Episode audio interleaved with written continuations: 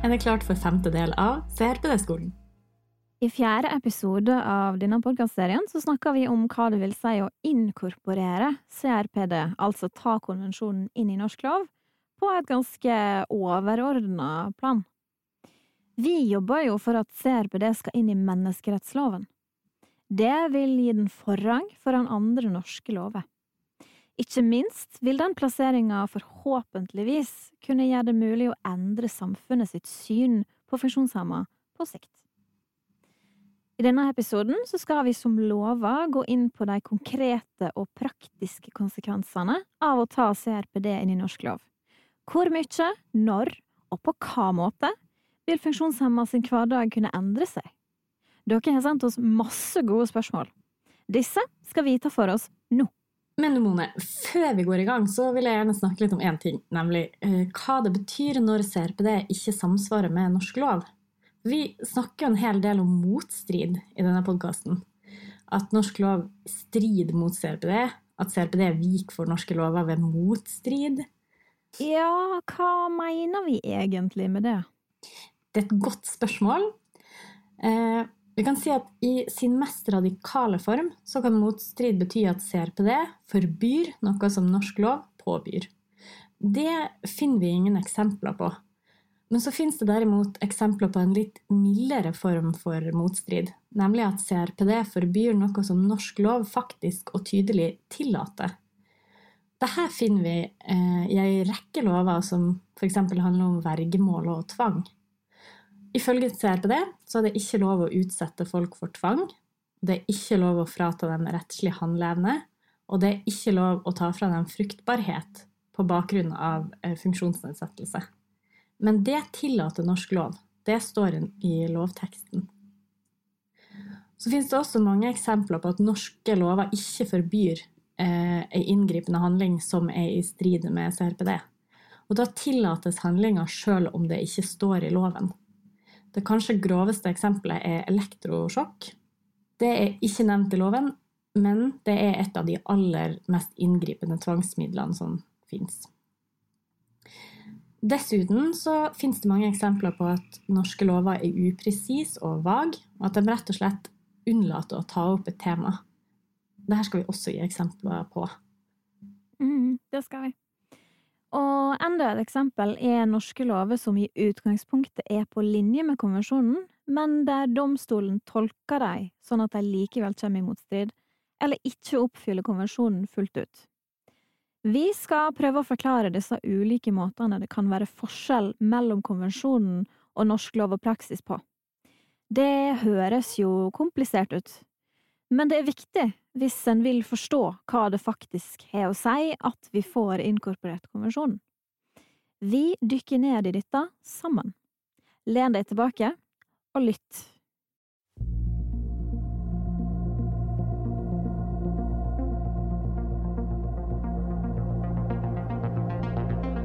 Hallo, Berit. Her sitter vi atter i hver vår by. Du er i Oslo, og jeg er i Trondheim. Og du, hvis vi eh, begynne med å snakke litt om denne motstriden, så kan vi starte med den klareste formen for motstrid som vi har eksempler på. Eh, og da er det jo disse her lovene som tillater vergemål og tvang og tvungen helsehjelp som vi har snakka om. Mens CRPD, altså CRPD forbyr det, mens norsk lov tillater det.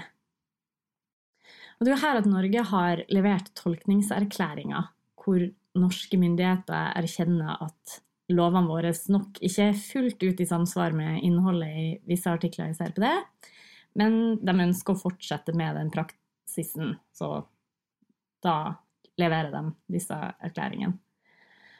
Um, og Norge har altså avgitt tolkningserklæringer til tre artikler, 12, 14 og 25. Disse erklæringene har CRPD-komiteen oppfordra Norge på det aller sterkeste om å trekke. Og så er det mange Berit, som lurer på om inkorporering av CRPD automatisk vil føre til at Norge trekker tolkningserklæringen. Er det sånn? Nei, det er det ikke. Det trenger ikke Norge gjøre. Og vi vet jo det at eh, de store partiene, de vil ikke trekke eh, tolkningserklæringer, selv om sånn som Arbeiderpartiet vil inkorporere. Ok, Men hvordan blir det da, da hvis konvensjonen blir stående i norsk lov uten at vi trekker tolkningserklæringen? Ja, det blir jo kjempeinteressant, for det har jo aldri skjedd før, så det vet vi strengt tatt ikke. Men vi har en veldig god kvalifisert gjetning eh, på dette. Fordi det er jo også sånn generelt når det gjelder eh, dette med oppfyllelse av menneskerettigheter i Norge, at hvis lovgiver har gitt klart og tydelig uttrykk for hva lovgiver mener, veldig tydelig, og det må vi nok si at uh, tolkningserklæringene er et veldig godt eksempel på at her har lovgiver med vitende og vilje visst hva man gjør, sagt at vi tolker konvensjonen på denne måten. Så da vet vi egentlig det at da må domstolen først og fremst legge vekt på lovgivers vilje. Så da vet vi også at de vil veie veldig, veldig, veldig tungt i alle dommer som berører umyndiggjøring og tvang. Så vil man måtte ta hensyn til tolkningserklæringen? Ja. Sannsynligvis. Ja. ja, ikke sannsynligvis. Det, vi vet det, ja. ja. Men det er jo viktig også å trekke frem at dette berører nok mer enn det folk tenker på, fordi vi snakker jo hele tiden om vergemålsloven og tvang, og så har vi sagt at det handler om tvungen helsehjelp. Men det vi på en måte kanskje har underkommunisert litt, er at dette slår inn i mange lover. Du sa mange lover, og det gjelder blant annet steriliseringsloven, abortloven og også ekteskapsloven. Altså dette Hvis du har verge, så har vergen, ifølge norsk vergemålsordning da, og lovgivning, ganske vide fullmakter, mye mer enn jeg tror folk flest aner, til å blande seg inn i folks privat- og familieliv på den måten at vergen kan altså søke om, eller samtykke til, at folk skal steriliseres, eh, at vergen kan eh, gjøre begjæring, fremsette begjæring om abort, og at vergen kan gå inn og faktisk samtykke til eh, ekteskap. I sistnevnte tilfelle skal vi forte oss å si at det betyr selvfølgelig ikke at noen må gifte seg med noen, men dette betyr å hindre at noen gifter seg med noen. Og da har vi artikkel 22 og 23 i CRPD som folk flest burde merke seg veldig godt og lese veldig, veldig nøye, for de er så veldig tydelige på at også funksjonshemmede, uansett funksjonsnedsettelse, hjelper ikke om man kommer med sinnslidelser og utviklingshemming og videre som det står i lovgivningen, uansett så har funksjonshemmede samme rett som andre til å beholde sin fruktbarhet, til å bestemme antall barn, hvor, ofte, hvor mange barn de vil ha, og så videre, og hvem de vil gifte seg med. Så dette er så tydelig tale at dette er kjempeviktig at vi merker oss. Ja, så de her lovene som du nevner, de strider altså ganske så klart mot CRPD, da, ved at de tillater noe som CRPD ikke tillater. Veldig tydelig, og faktisk på en så tydelig måte at det er noe av det tydeligste vi får i eh, konvensjonen. Viktig å merke seg. Ja. Men så har vi andre måter som norsk lov kan komme i motstrid med CRPD på. Og der noe sannsynligvis vil måtte endres da, i lovverket hvis CRPD blir norsk lov. Eh, og for eksempel så kan eh, CRPD være veldig tydelig på hvordan eh, ting skal være, mens den norske loven eh, ikke kan sies å være i direkte motstrid, men heller ikke er dekkende så tydelig nok. Eh, og da kan den jo enten være for vag, eller at den ikke fastslår rettigheter tydelig nok, sånn at den gir altfor stort rom for tolkning og skjønn. Og da kan man få en praksis som er i motstrid med CRPD. Vi kan ta utdanning som et eh, eksempel. Artikkel 24 i CRPD sier tydelig at alle har lik rett til utdanning i et inkluderende utdanningssystem på alle nivåer. Norsk lovverk, nærmere bestemt opplæringsloven, den er ikke i motstrid, men den er heller ikke konkret nok til å sikre alle denne like retten til utdanning. Så da ender vi fort med brudd på CRPD allikevel. Eh, stadig flere elever tas ut av klassen nå og sitter i egne grupper, og noen går også på egne skoler. Og det kan ikke sies å være et inkluderende utdanningssystem. Dessverre så er det sånn i dag at ikke alle får den utdanninga de har krav på heller. Mange funksjonshemma forteller at de har blitt fratatt muligheten til lik rett til utdanning. Hvis du har behov for tilrettelegging eller spesialundervisning, så kan du risikere at du blir slusa inn i et løp som ikke gir generell studiekompetanse, sånn at du ikke får tilgang til høyere utdanning. Og det uten at du får informasjon eller mulighet til å ta stilling til det sjøl. Mange får automatisk fritak fra fag, sånn at de ikke får de karakterene de trenger, og da får de ikke komme seg videre. Og de får ikke opplæring av utdanna lærere. Utdanna lærere har heller ikke kompetanse til å lage universelt utforma undervisningsopplegg, så det blir ekskluderende. Mange synshemma elever får bare tilgang til en liten del av pensum, og tegnspråklige elever de må i praksis gå på egne skoler for å få samme tilgang til utdanninga si som det hørende får, enten de vil eller ikke. Hva tror du ville endra seg om CRPD var norsk lov her, da, Berit? Ja, her har vi et veldig godt utgangspunkt, faktisk, for å i hvert fall eh, prøve å påvirke. Fordi at eh, artikkel 24 er jo tydelig på at alle skal ha lik rett til utdanning og et inkluderende utdanningssystem. Og i det ordet inkluderende utdanningssystem så gjelder det jo å fylle det uttrykket, men det kan vanskelig misforstås. Så det betyr i hvert fall ikke at folk er nødt til å gå på andre skoler, egne skoler, særskoler. Det kan ikke bety at folk er nødt til å være i grupper, tas ut av klassen, i hvert fall ikke over et visst nivå, osv. Det er mye man kan forhandle om her, og mye å prøve å påvirke. Så det er helt klart at med en inkorporering så har alle som jobber for lik rett til utdanning, noe å ta tak i. Absolutt. Ja. Eh, så har vi lover, som i og for seg heller ikke er i motstrid, men som unnlater å forby handlinger og praksiser som er i strid med konvensjonen.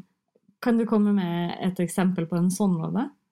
Ja, det kan jeg. Det er et veldig blodferskt eksempel fra i sommer. Det er barnevernsloven. Eh, barnevernsloven den eh, burde uh, hatt et veldig tydelig forbud mot at foreldre på grunnlag av funksjonsnedsettelse, eller barn på grunnlag av deres funksjonsnedsettelser, ikke kan skilles fra hverandre. At man kan, kan ikke bruke funksjonsnedsettelse til å skille barn og foreldre. Enten det er foreldrene eller barnas. Og dette er veldig, veldig tydelig i CRPD at det er slik det er ment, at funksjonsnedsettelsen ikke kan i seg selv gi det grunnlaget. Og det triste her, det er at denne praksisen er vi jo klar over at vi har i Norge, at man bruker funksjonsnedsettelse faktisk som grunnlag for å skille, selv om man kanskje krydrer det lite grann. Og likevel så har altså CRPD ikke blitt tatt inn i utredningen, altså ikke blitt nevnt, ikke blitt vist til i utredningen om den nye barnevernsloven, ikke inn i mandatet til utvalget som utredde, heller ikke med i lovproposisjonen, altså den, det dokumentet som på en måte der, der man legger frem for Stortinget hvordan loven skal forstås og tolkes. Ikke et ord om CRPD. Dette er jo helt klart i strid med CRPD, selvfølgelig, at man ikke engang ser hen til CRPD. Men altså, dette er en veldig godt eksempel på at her er det en lov som skulle hatt et forbud i tråd med CRPD. Og enda mer tragisk, syns jeg det er, er det at uh, høringsinstanser som uh, Den nasjonale menneskerettsinstitusjonen og eh, ombud osv. ikke har nevnt det. Heller ikke. Altså, de har heller ikke nevnt CRPD. Nei, og det ville vært annerledes hvis CRPD var inkorporert i menneskerettsloven. Det snakka vi jo en del om i forrige episode, at da måtte man ha brukt CRPD i sånne her typer lovforarbeider og endringer og sånn. Ja, det snakket vi om, at en konsekvens er at når det skal utredes noe, enten det er lover eller annen polit, polit, altså lover eller praksiser eller endringer, politiske endringer, da kan du si, eh, så vil en inkorporering bety at CRPD må tydelig inn i mandatet og være med i utredningen og legge premisser for hele løpet. Og det ser vi, det er ikke bare ny barnevernslov som dette er et eksempel på, det er bare det at det er så ferskt, men det er jo en hel rekke av politikkområder og lover hvor CRPD ikke er nevnt, mens du finner barnekonvensjon videre, ikke sant, som er inkorporert. Så dette vet vi jo. Ja. Fins det flere måter da som CRPD kan komme i motstrid på, sjøl om lovteksten ser grei ut sånn med første øyekast? Ja, det gjør jo det. Du kan si at uh, det er jo sånn at alle norske lover de blir jo tolket da, underveis, altså når de kommer til prøve så blir de jo tolket, og det er særlig Høyesteretts tolkninger som blir lagt vekt på, selvfølgelig. Når en sak blir, går hele rettsapparatet opp til Høyesterett, så legger jo Høyesterett sin tolkning. Eh, og det er jo ikke alltid at lovgiver har vært krystallklar på hva som er ment med en lov, så da er det Høyesterett som faktisk har ganske sterke føringer, og domstolsloven er en sånn lov som vi kunne trekke frem, som viser at uh, her er det en uh, tolkning fra Høyesterett, uh, som fra 2014 blant annet, som altså tolker Som altså viser til CRPD, så her er det gjort, faktisk, altså trukket inn, da, men man viser til CRPD og artikkel 13 i CRPD. Men, men man har altså ikke noe Altså, man har ikke tatt hensyn til hva betyr egentlig dette konkret for hvordan eh, det skal være. Altså, man opererer med et egnethetsbegrep, og det viser seg da at eh, det egnethetsbegrepet det er kanskje ganske så fordomsfullt, det er gammelt, fra 90-tallet, og det innebærer at folk som ikke ser og hører, for eksempel, kan eh, være meddommere. Og det finnes ikke noe vitenskapelig grunnlag for å konkludere med det. Det finnes jo mange land hvor man kan det, og det, dessuten så er det jo også sånn at det finnes blinde dommere i verden. Så, så, her er man liksom litt ute og sklir, og på et veldig, veldig svakt grunnlag, og det er jo ikke noe tvil om at vi vil ta en omkamp om den tolkningen eh, om egnethet og syn og hørsel videre, hvis vi får inkorporert CRPD. Ok, men da tenkte jeg at vi kunne ta frem noen spørsmål fra noen lyttere. Vi har fått et spørsmål eh, om hvorvidt vi vil få endra lover og forskrifter hvis CRPD blir tatt inn i norsk lov. Det er jo relevant eh, etter det vi har snakka om nå, da. Vil det bli endra lover og forskrifter? Vil det bli flere rettssaker? Vil vi få en sterkere stilling i norsk eh, rettssystem? Hva tenker du, Berit? Ja, egentlig så har vi jo svart langt på vei også på det ved den gjennomgangen vi har hatt nå, fordi det kommer jo veldig an på hvor tydelig er konvensjonen, det er jo første steg, ikke sant, hvor tydelig er konvensjonen formulert på at den faktisk eh, pålegger, forplikter og sånt på et område, og da har jeg sagt at artikkel 22 og 23 i hvert fall er kjempe, kjempegode å bruke.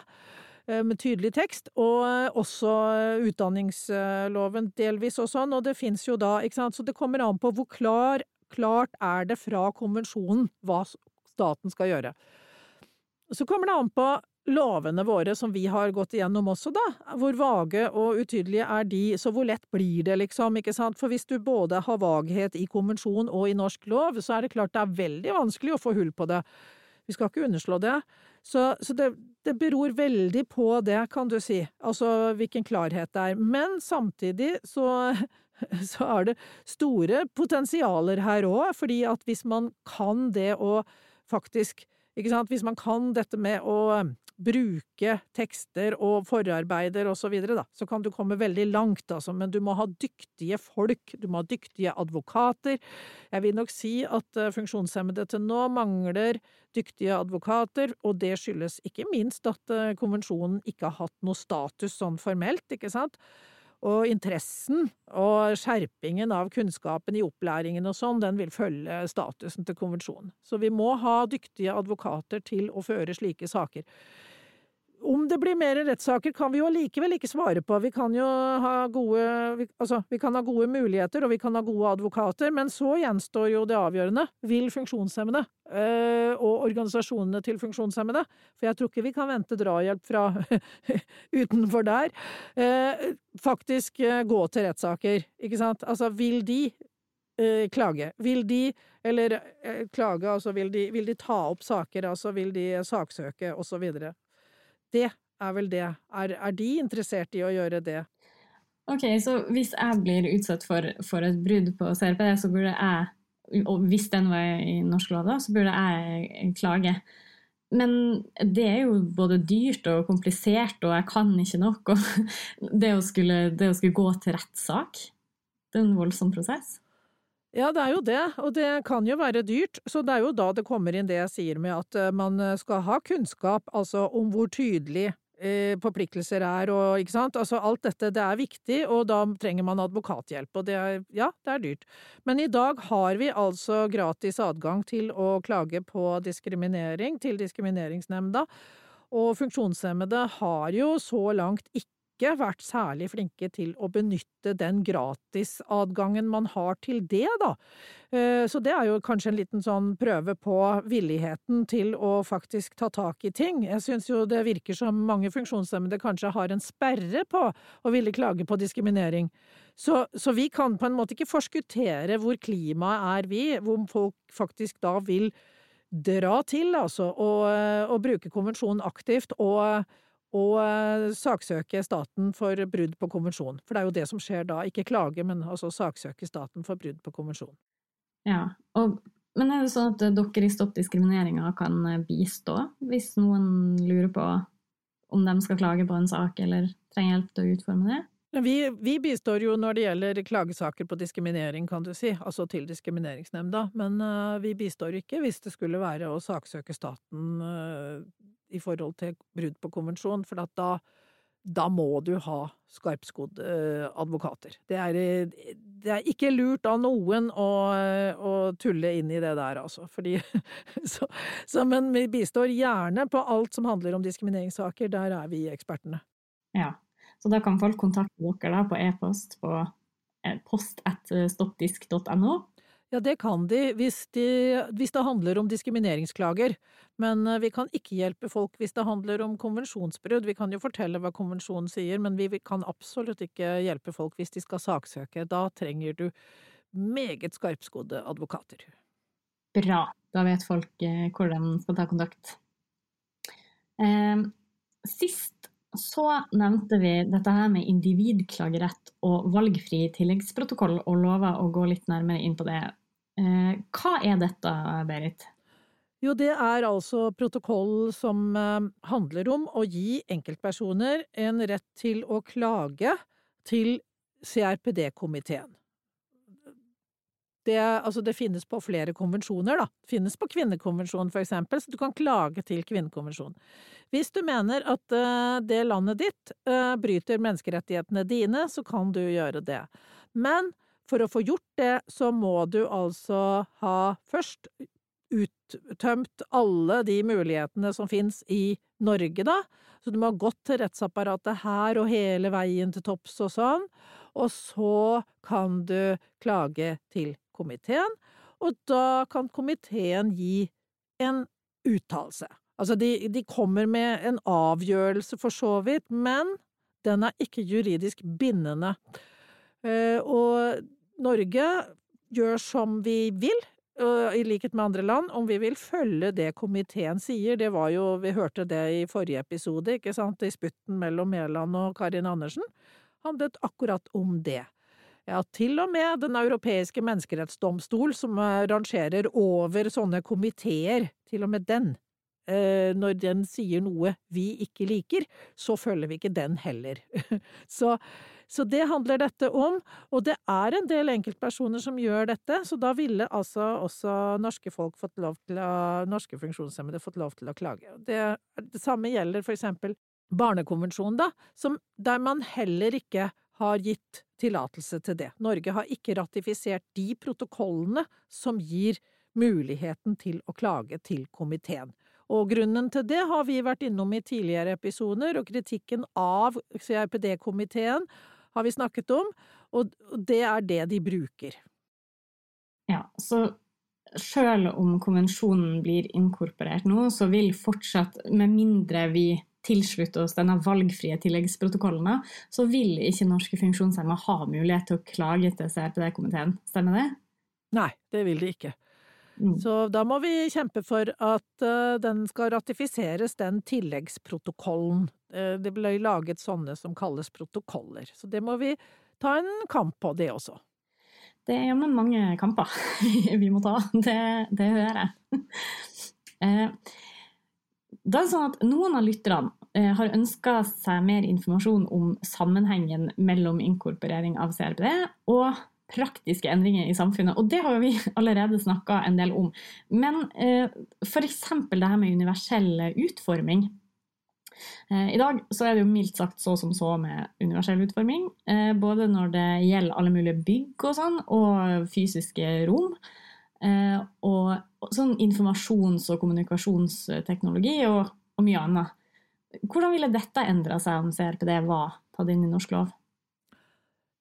Ja, akkurat det ville jo ikke endret seg så mye, for allerede i dag finnes det altså et uh, krav om en plikt til universell utforming av bygg og uh, IKT og transport.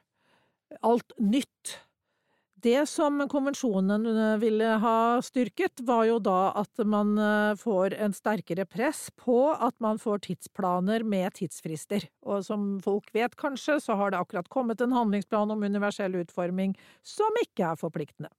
Så vi ville nok få litt drahjelp på det. Men saken er jo det at eh, at det bør på plass tidsfrister for eksisterende bygg og transport og IKT hvis du noen gang skal komme i land, men vi oppfyller ikke CRPDs plikt til generell tilrettelegging likevel, fordi at den går mye videre enn det fysiske. Den går også på, som vi snakket om tidligere i en episode, at du skal kunne ha tilrettelegging også med assistanse fra mennesker og dyr.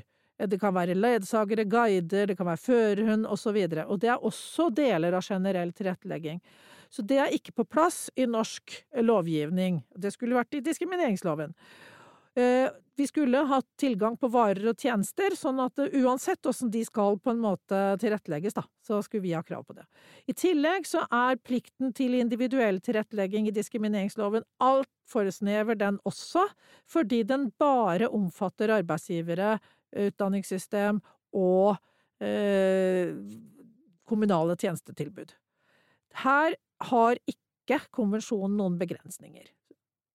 Du skal kunne få individuell tilrettelegging uansett på hvilket område det gjelder, og den skal være eh, såkalt rimelig, da, som vi i norsk lovgivning kaller egnet. Altså sånn at den på en måte ikke kan koste all verdens, men du har krav på å få den.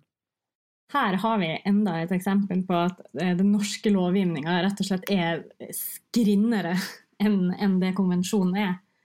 Så dette ville sannsynligvis bedra seg hvis konvensjonen tas inn i, i norsk lov. Det er litt vanskelig, vi må kjempe for det, fordi at vi må eh, Altså, det er litt vanskelig å forskuttere, igjen, jeg skal være veldig forsiktig med det, fordi at her mener jo norske myndigheter at vi har så mange individuelle ordninger i Norge at vi likevel oppfyller konvensjonen.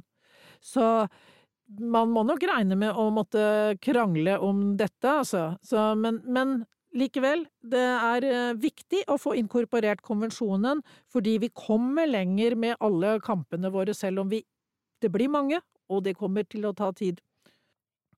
Eh, det siste spørsmålet som jeg har tatt med i dag, det kommer fra noen som lurer på eh, hvordan man som enkeltindivid eller lita gruppe kan bruke konvensjonen som et eh, verktøy. Så ønsker jeg eksempler på det. Og da vil jeg også si at skal du eller du og organisasjonen din bruke konvensjonen til å overbevise politikere om å skape samfunnsendring, for her er det jo som vi har sagt, mange, mange kamper å ta på mange ulike felt, så er det lurt å vite hva vi snakker om. Eh, og du som hører på, har jo allerede masse kunnskap etter å ha hørt eh, på alle disse episodene eh, av CRPD-skolen. Og denne CRPD-skolen blir jo liggende ute i all evighet, håper vi, så den kan du vise til andre, sånn at de også får lære om det her. Eh, og så er det lurt å skaffe mer kunnskap om konvensjonen og om temaet. Eh, så det. Det er faktisk sånn at organisasjonen din kan bestille kurs fra Stopp diskrimineringa, som du, Berit, jobber i. Eh, og dere kan lese alle de rapportene som finnes. Sånn som Sivilsamfunnets alternative rapport til FN, som, som de skrev for å forklare hvordan eh, CRPD sin stilling i Norge var gitt ut i 2019. CRB-komiteens eh, anbefalinger til Norge kan du også lese. På regjeringens side så ligger det også kritikk og anbefalinger fra andre FN-organer, hvis du er ekstra interessert. Du kan også lese Kjersti Skarstads bok 'Funksjonshemmedes menneskerettigheter fra prinsipper til praksis'. Eh, det var de spørsmålene vi rakk i dag. Tusen millioner takk til alle som har sendt inn. Dette her er foreløpig siste del av podkastserien CRPD-skolen. Men CRPD det er et av våre aller viktigste verktøy i, i kampen for funksjonshemmedes likestilling, så vi vil garantert komme tilbake til det temaet flere ganger. Eh, så jeg håper at dere fortsetter å sende inn spørsmål, eh, så skal vi se på dem. Og så må jeg si tusen takk til deg, Berit, for alle de her pratene som vi har hatt gjennom fem episoder. Eh, jeg har lært masse og tusen takk skal du ha, det har vært kjempehyggelig, og det er alltid en fornøyelse å snakke og fortelle om funksjonshemmedes menneskerettigheter, så jeg håper jeg får mange anledninger til det i fremtiden. Det vil jeg tro vi får. Jeg håper at vi ser det her i podkasten selvsagt eh, snart igjen.